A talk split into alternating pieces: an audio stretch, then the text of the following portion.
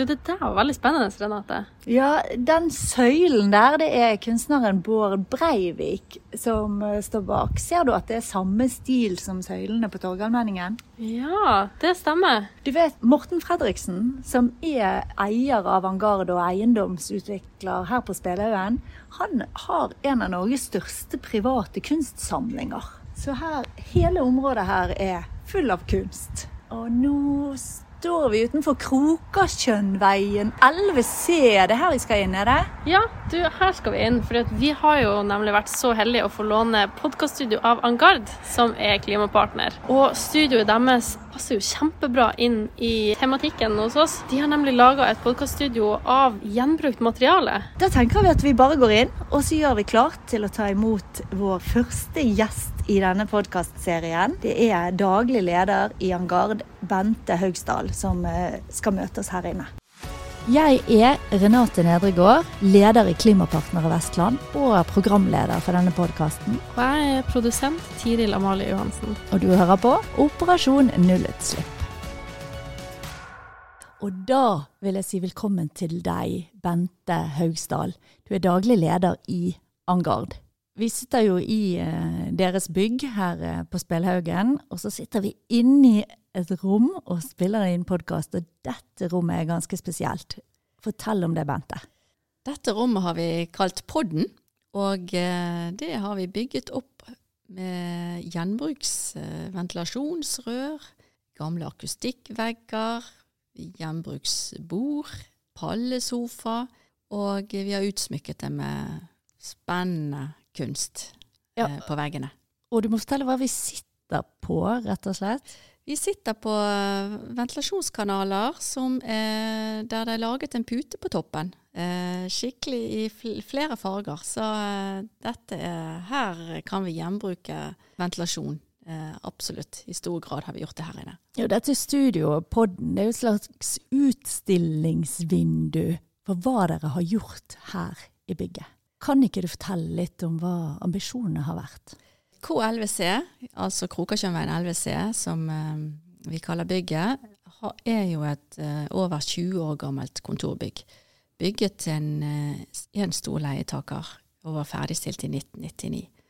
Så sto vi foran det store spørsmålet hva gjør vi? Leietakeren flytter ut, hva skal vi gjøre med bygget videre? Vi var innom noen scenarioer, og kunne valgt å rive bygget ned, bruke over 220 millioner og bygge det opp igjen. Men vi syntes egentlig det var litt forkastelig at vi skulle bruke så mye penger på, å, på måte, og det med bærekraft, og ikke kunne gjenbruke bygget. For det var tross alt ikke haugammelt. Det var mye gode kvaliteter i bygget. Så vi valgte en litt uh, annen uh, innfallsvinkel. Så vi startet med å modernisere første etasje, som er resepsjon og var en stor kantine, med å se hva vi kunne gjøre av enkle grep for, oss, for at skulle, vi skulle løfte dette arealet. Og da har vi jo hatt en kreativ eh, entreprenør inne og hadde masse gode ideer til oss. Så ved å spile resepsjonen, male bøkefelt der, så har vi, å legge nytt gulv, så har vi gjort løftet denne etasjen mye. Det ser nytt og spennende ut. Og den eh, filosofien har vi egentlig tatt med oss opp i, opp i arealene, kontorarealene òg. Det var alltid vanskelig å få den første leietakeren, men eh, når vi, når vi, kunne bruke det som et visningsareal, så, eh, så ble det veldig kjekt og ble veldig bra. For som eiendomsutviklere, sånn som dere er i Angard, så skulle man jo tro at eh, det var først og fremst eh, det å få eh, høye inntekter på det dere leier ut, som var viktig. Kan ikke du fortelle litt om hva slags engasjement som ligger bak de valgene dere har tatt? Ja, nå er det jo sånn at det, når en har 10 500 kvadrat ledig, så er det ikke så lett å få inn en, en, stor, lang, en stor aktør på lange leiekontrakter lenger.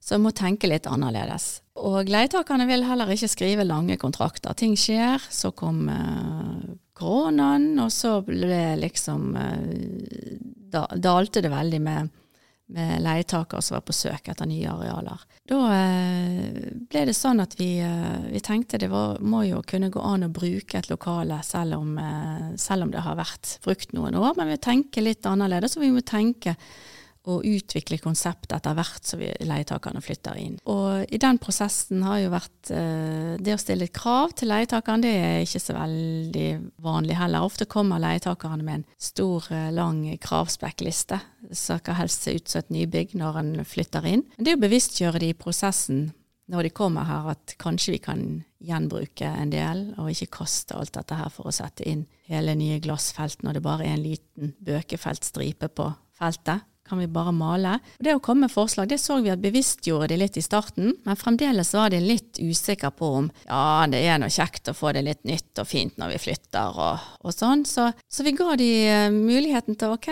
dere skal få en eh, pris på hva det koster å, å, eh, å leie og få rive ut og sette opp nytt. Men samtidig så kan vi ha en samhandlingsprosess der vi dere kan få leie en SIS eh, til en SIS-pris, sånn som det lokale er, og så kan vi sette oss ned sammen og se hva kan vi gjenbruke i den prosessen. Og det blir jo direkte besparelser for, for leietaker på, på, den årlige leien. Da. Og, og det tror jeg synes de syntes det var en veldig spennende reise, og da så de òg at de hadde noe å hente på at dette ble lavere kostnader fremover for de som leietaker. Og det, også, eh, det var mye læring både for oss og for de, eh, hva som egentlig kunne gjenbrukes.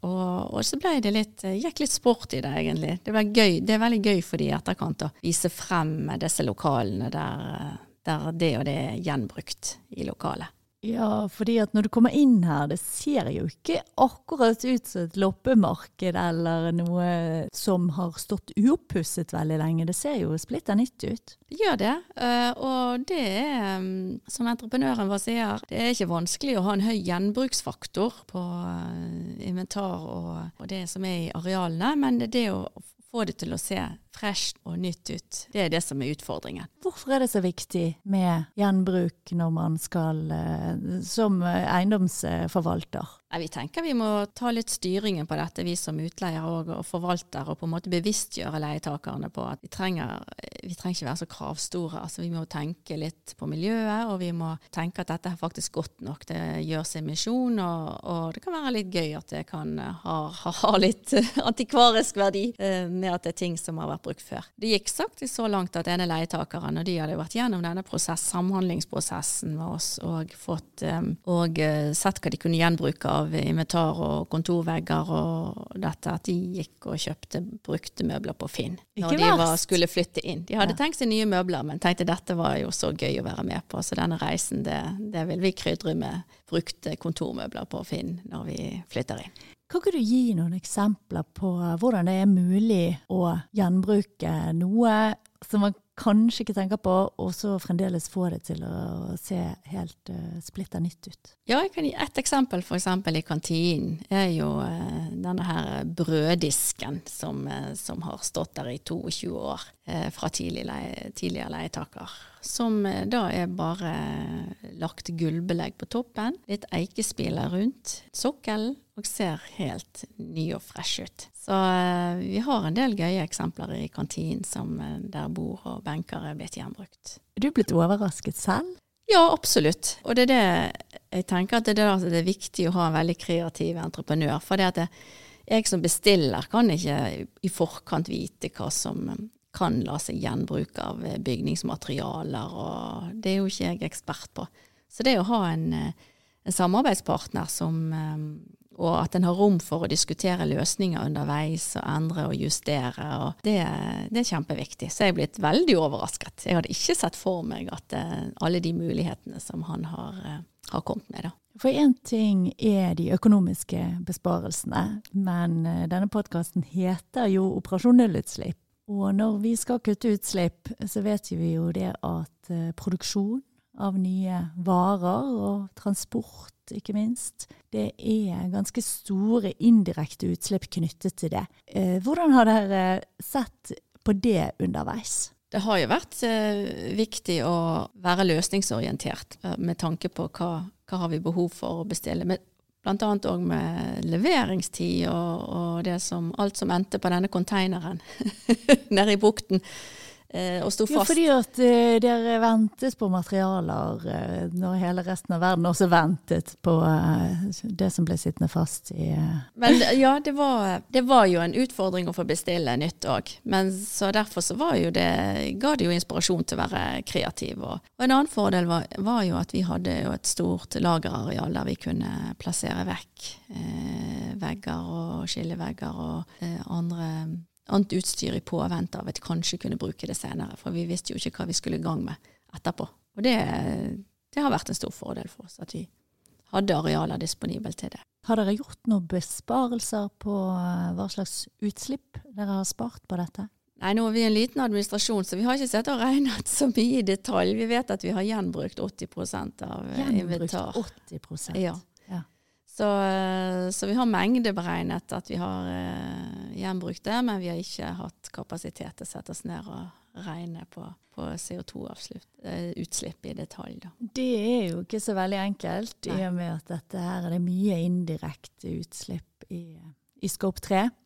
Eh, men det vi vet, er jo at det å bruke om igjen, det er jo noe av det mest effektive man kan gjøre for å spare utslipp på veldig, veldig, veldig mange områder. Er det noe som har overrasket deg underveis? Det overrasket meg vel egentlig litt den um, påvirkningen vi hadde på leietakere når det kom til syvende og sist.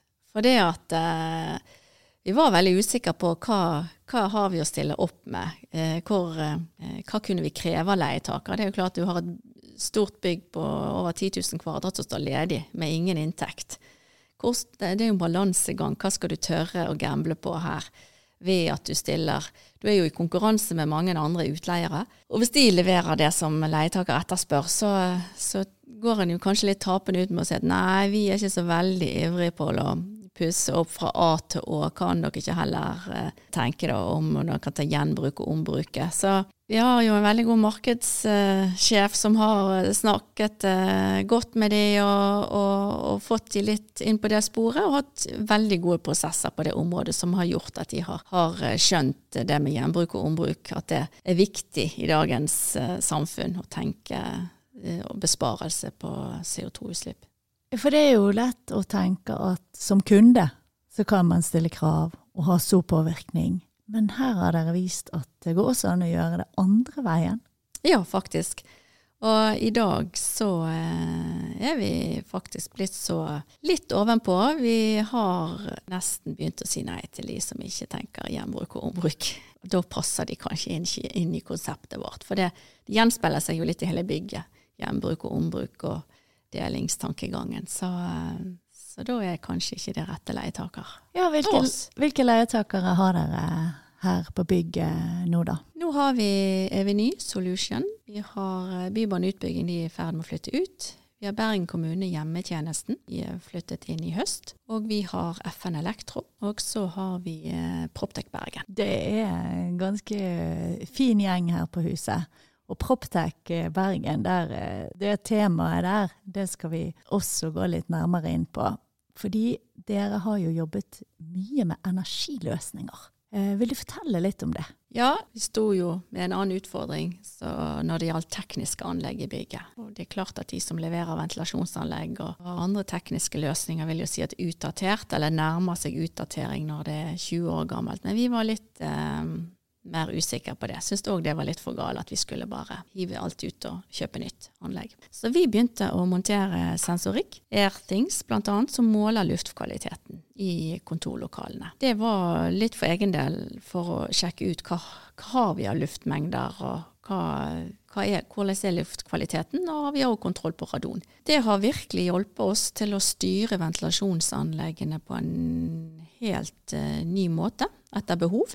Og det har gitt oss veldig god eh, kompetanse på faktisk dag. Det anlegget som ble montert i bygget var veldig bra, hadde dimensjoner store nok til å håndtere bygget. Og dermed så, så styrer vi nå ventilasjonsanlegget etter, etter eh, luftbehov på, på kontorene. Mer, mer manuell styring ut ifra sensorikken enn eh, ventilasjonsanlegg som suser og går eh, til eh, hele dagen hvis det ikke er folk der, f.eks. Du må fortelle litt nærmere hvordan dette virker.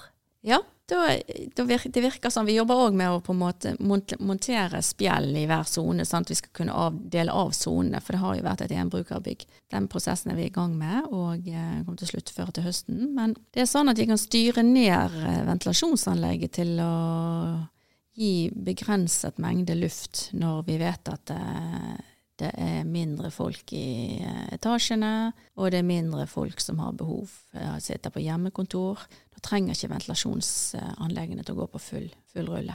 Og, og her har vi eh, på disse sensorene så kan de gi alarmer på når er luftkvaliteten for dårlig, og, og sende oss både SMS og, mail på, på at her nå begynner luftkvaliteten å stramme seg til på enkelte eh, områder, så at vi kan gå inn og styre ut ifra det. Eh, hva oppnår dere med en sånn løsning? Det har vært veldig eh, besparende på energikostnadene våre. Og eh, redusere og kjøre ventilasjonsanlegget på redusert fart ifra behov. Med å innføre der smarte løsninger for styring av ventilasjonsanlegget, Ja. hva har dere oppnådd med det?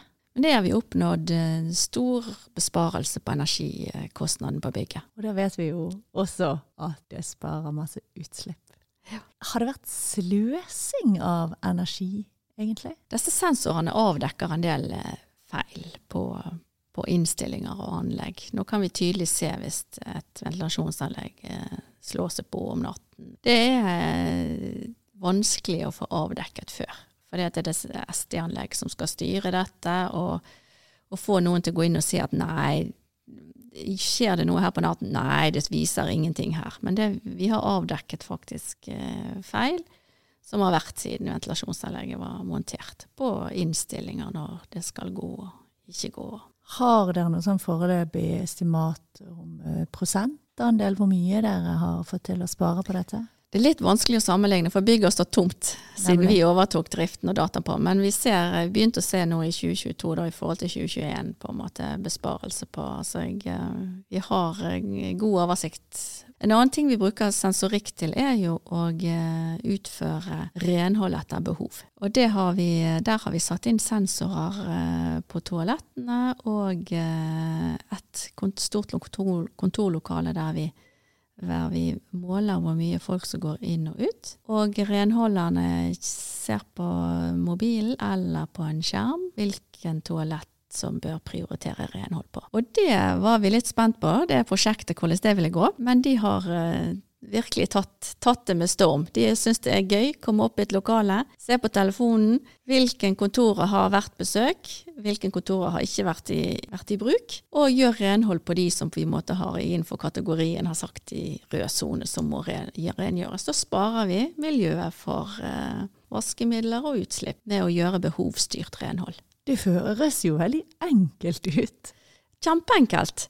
Og der er jo, der, du kan gå inn og se på um, parameterne hvilke på en rad fra én til seks toaletter bortover. Hvilke toalett blir minst besøkt? sant?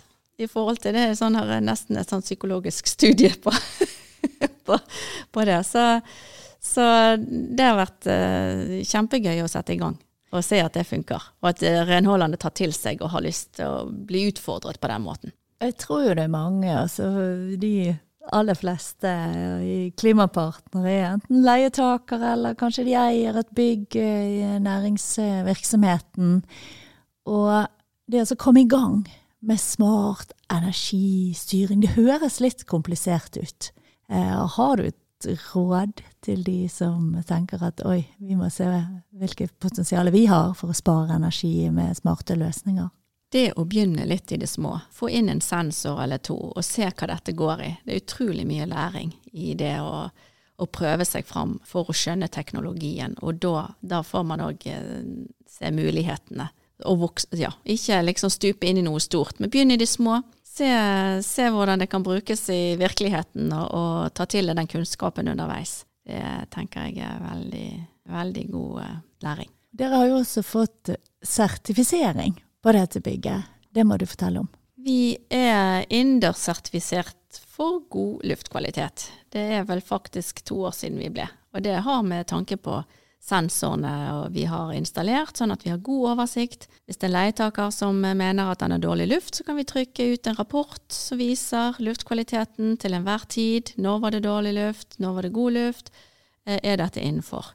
Og det er jo ofte vi, vi som utleier møter noen som har det veldig altfor kaldt i lokalene våre, eller det er altfor varmt. Men her har vi faktisk eh, nåtidsstyring og sensorer, som vi kan gå inn og lese av. Men vi kan òg ta ut en rapport for en periode og sende over til leietaker. Er det viktig med sertifiseringsordninger? Ja, det er jo alltid kjekt å ha en eh, diplom for når en har gjort noe bra tiltak. Men i utgangspunktet så er det jo kanskje effekten og nytteverdien av de tiltakene som er iallfall viktigst for oss, da. Hva er det Altså nå forteller du om spennende, smarte løsninger på energisparing og renhold, og vi har jo utrolig inspirerende løsninger når det gjelder gjenbruk. Har dere satt dere noen mål for dette arbeidet?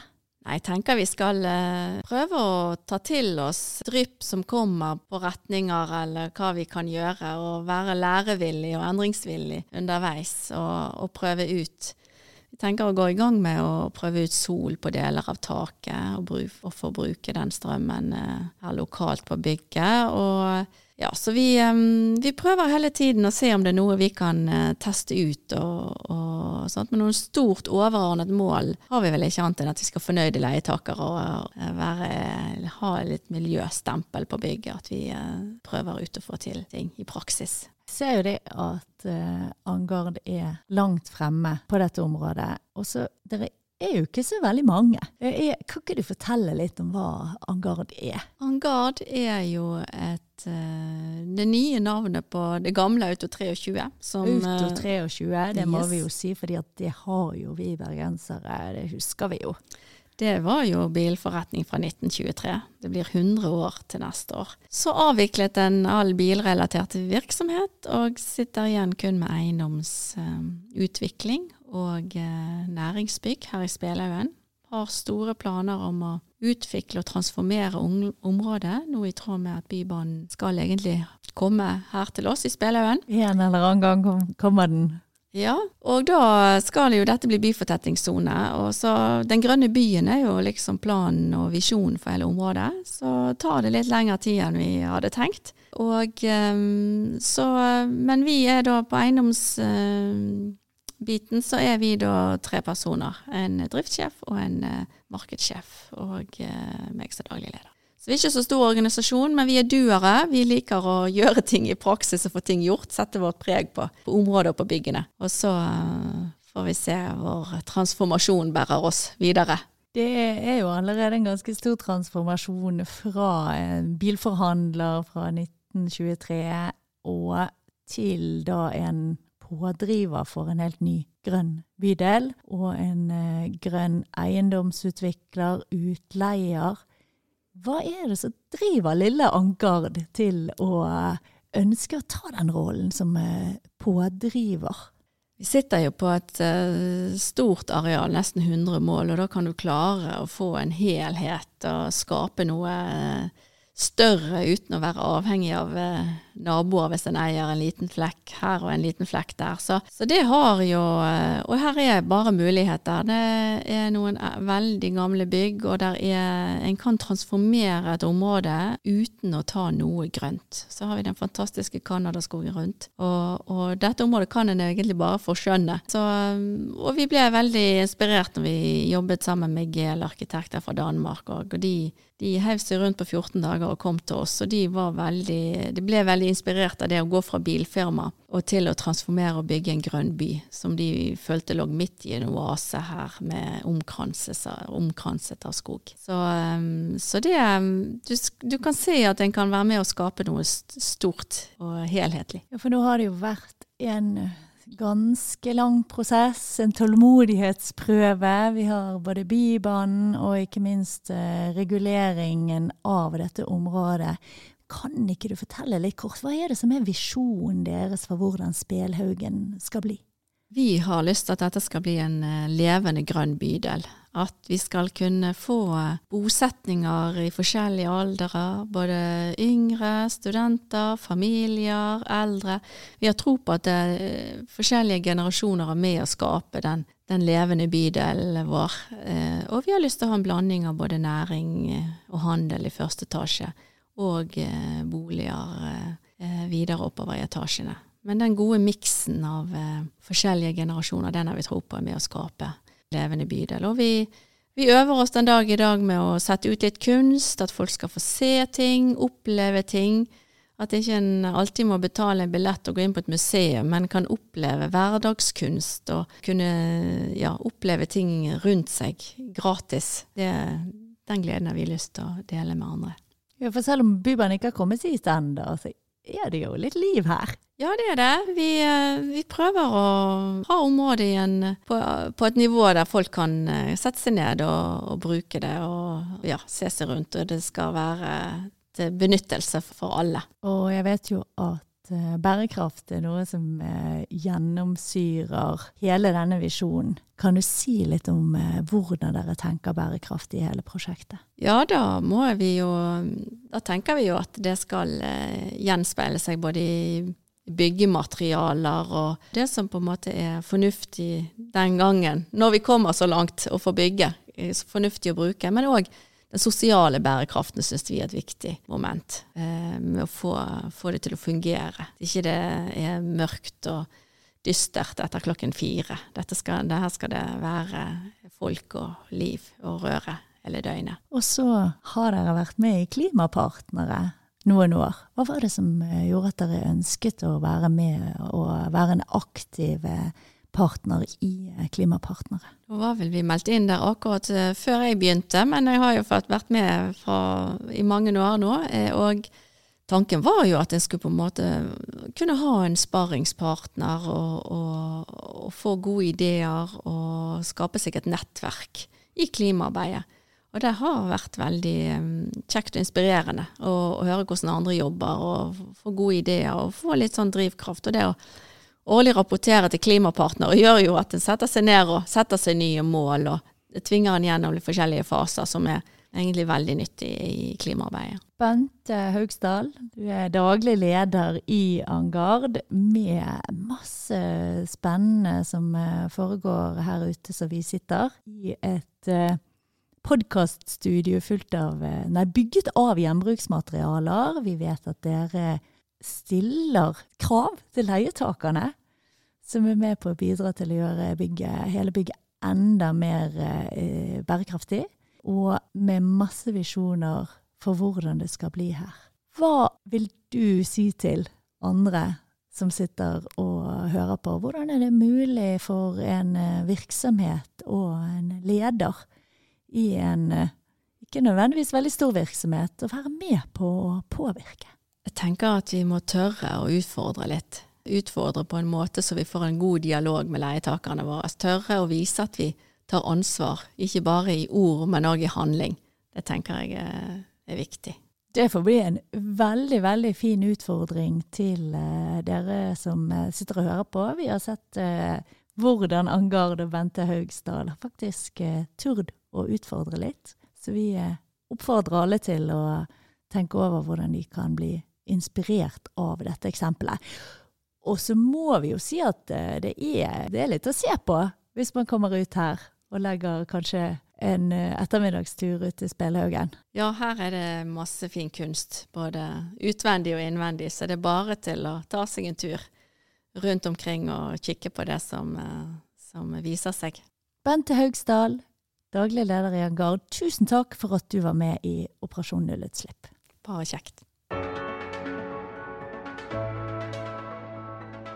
Har du spørsmål eller kommentarer til podkasten Operasjon nullutslipp? Du finner oss på Instagram. Vi blir veldig glad for eh, innspill og ris og ros. Jeg er Renate Nedregård, leder i Klimapartnere Vestland. Og jeg er produsent for podkasten, Tiril Amalie Johansen. Bli med oss videre på Operasjon nullutslipp.